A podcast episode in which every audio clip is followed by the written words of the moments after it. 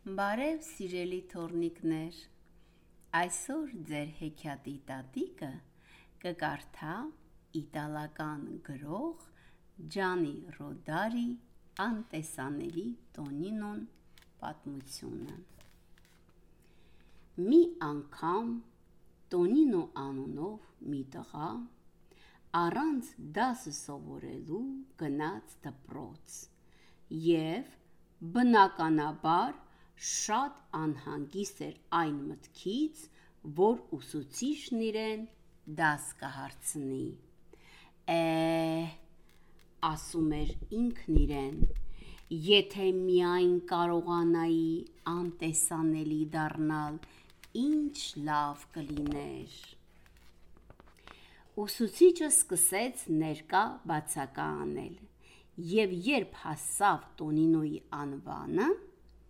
Տղան պատասխանեց. Ներկա։ Սակայն ոչ ոք նրան չլսեց, եւ ուսուցիչն ասաց. Ափսոս, որ Տոնինոն այսօր չի եկել։ Ես էլ մտածում էի հենց նրան դաս հարցնել։ Եթե հիվանդացել է, հուսանք,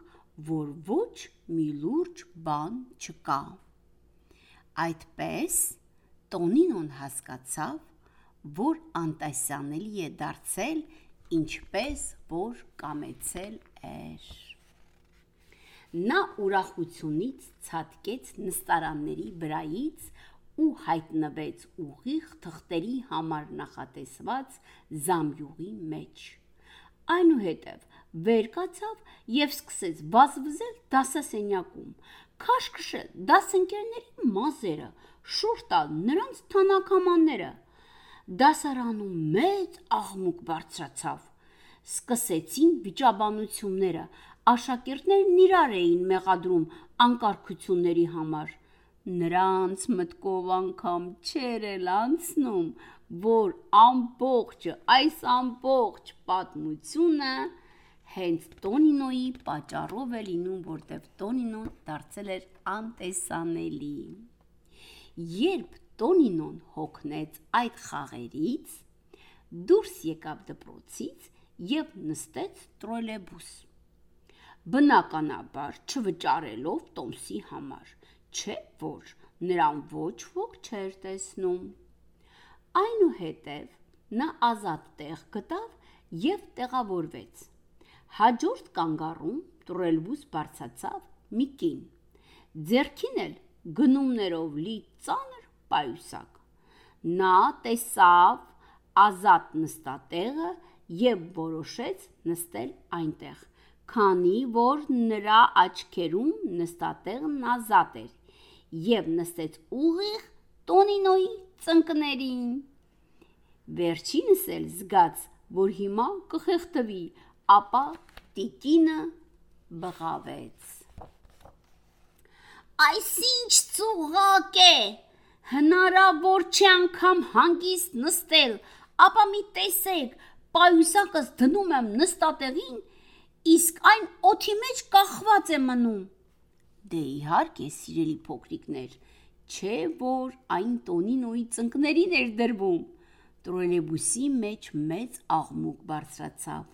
բոլոր ուղևորները սկսեցին իրենց զայրույթն արտահայտել տրոլեյբուսի պատասխանատուների հասցեին։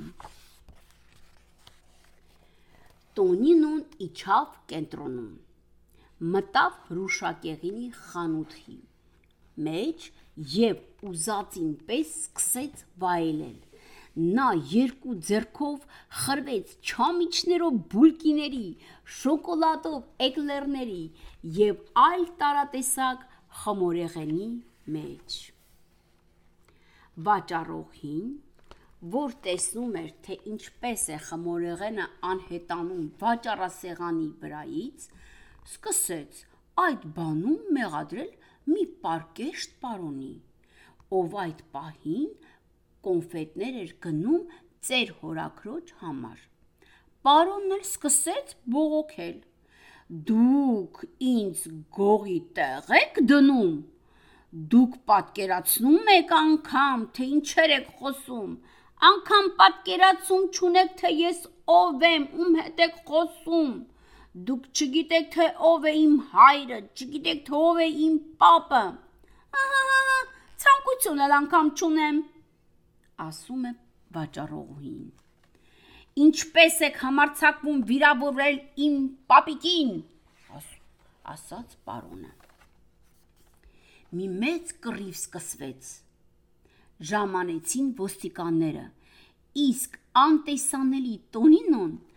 լեյտենատի ոտերի արանքով սողալով ուղևորվեց դեպի դպրոց եւ հասցրեց բռնասնել իր դասընկերներին, ովքեր արդեն դուրս էին գալիս այնտեղից։ Տոնինոն տեսնում էր, թե ինչպես են նրանք դուրս գալիս ավելի ճիշտ թե ինչպես են դպրոցի աստիճանների վրա հավաքված ձնակույտերի միջով թավալվում ցած, սակայն նրանք Տոնինոին չէին տեսնում։ Նա զուր վազվզում էր, սրա ու նրա արջև քաշում էր իր ընկերների մազերը, շաքարակ լորներ էր առաջարկում իր ընկերներին։ Նրանք նրան ոչ տեսնում էին, ոչ լսում էին։ Տոնինոն նրանց համար ապակու պես թափանցիկ էր, եւ նրանց հայացքները պարզապես անցնում էին նրա միջով։ Հոգնած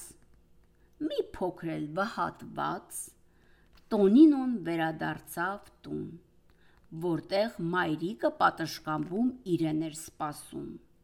Ես այստեղ եմ, մայրիկ, բղավեց Տոնինոն։ Մայրիկը սակայն ոչ տեսնում էր նրան, ոչ լսում էր եւ շարունակում էր անհանգիստ նայել ճանապարհին։ Ահա եւ ես հայրիկ, բացականչեց Տոնինոն։ Երբ վերջինս եկավ տուն եւ նստեց սեղանի շուրջը իր մշտական տեղում, սակայն հայրիկն էլ նրան չէր տեսնում եւ մտահոգված ասում էր. Տեսնես, ինչու է Տոնինոն այսքան ուշանում, մի բան պատահած չլինի նրան։ Բայց ես այստեղ եմ, մայրիկ, հայրիկ, գոչում էր Տոնինոն, սակայն ծնողները նրա ձայնը չէին լսում եւ նրան չէին տեսնում։ Տոնինոն արդեն լաց էր լինում, բայց սիրելի փոքրիկներ, ումա պետք այդ արցունքները, որ ոչ ոք չէր տեսնում եթե ոչ ոք չի տեսնում այդ արցունքները, չէ փոքրիկներ։ Այլևս չեմ ցանկանում անտեսանելի լինել, դժգոհում էր Տոնինոն։ Ում սիրտն արդեն կտոր-կտոր էր լինում։ Ուզում եմ, որ հայրիկս ինձ տեսնի, մայրիկս վրաս բար կհնա, ուսուցիչս դաս հարցնի, ուզում եմ խաղալ ընկերներիս հետ։ Շատ, շատ, շատ եմ ուզում, որ էլ անտեսանելի չլինել, մենակ մնալը շատ վատ բան է։ Տոնինոն դանդաղ իջավ աստիճաններով եւ դուրս եկավ բակ։ Ինչու ես լացում հարցրեց մի ծերունի, որը նստարանին նստած վայելում էր արևը։ Դուք ինձ տեսնում եք։ Հուզված հարցրեց Տոնինոն։ Այո, տեսնում եմ։ Ամեն օր քեզ տեսնում եմ դպրոց գնալիս եւ վերադառնալիս։ Իսկ ես ձեզ երբեք չեմ տեսել։ Գիտեմ, ինձ ոչ ոք չի նկատում։ Ես մի ծեր թոշակառու եմ բոլորովին միայնակ, մենակ։ Ինչու պետք է երեխաները ինձ ուշադրություն դարձնեն։ Ձեզ համար ես մի անտեսանելի մարդ եմ։ Տոնինո այդ պահին պատշկամբից բղավեց մայրիկը։ Մայրիկ, դու ինձ տեսնում ես։ Ահ, ավելի լավ կլիներ որ չտեսնեի։ Արի այստեղ, Արի տուն, հիմա հայրիկդ քեզ ցույց կտա։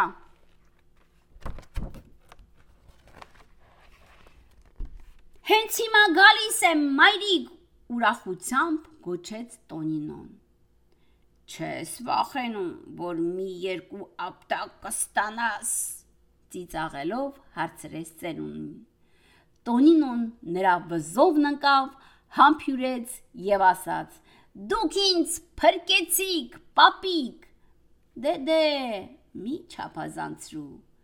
պատասխանեց ծերունին։ Սիրելի փոքրիկներ, այս պատմվածքը ունի շատ խորը իմաստ։ Ես կուզենայի, որ իմ թորնիկները եւ բոլոր բոլոր փոքրիկները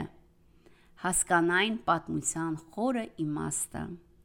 պետք է նկատել բոլոր տատիկ պապիկներին, բոլոր մեծերին, լինել ուշադիր նրանց հանդեպ, թեկուզ ամեն օր հարցնել. Ինչպես ես այսօր, պապիկ։ Ինչպես ես այսօր, տատիկ, չէ որ մի հարցնելով նրանք կդառնան աշխարի ամենաերջանիկ տատիկներն ու պապիկները։ Կարդաց Մարա Բաբոն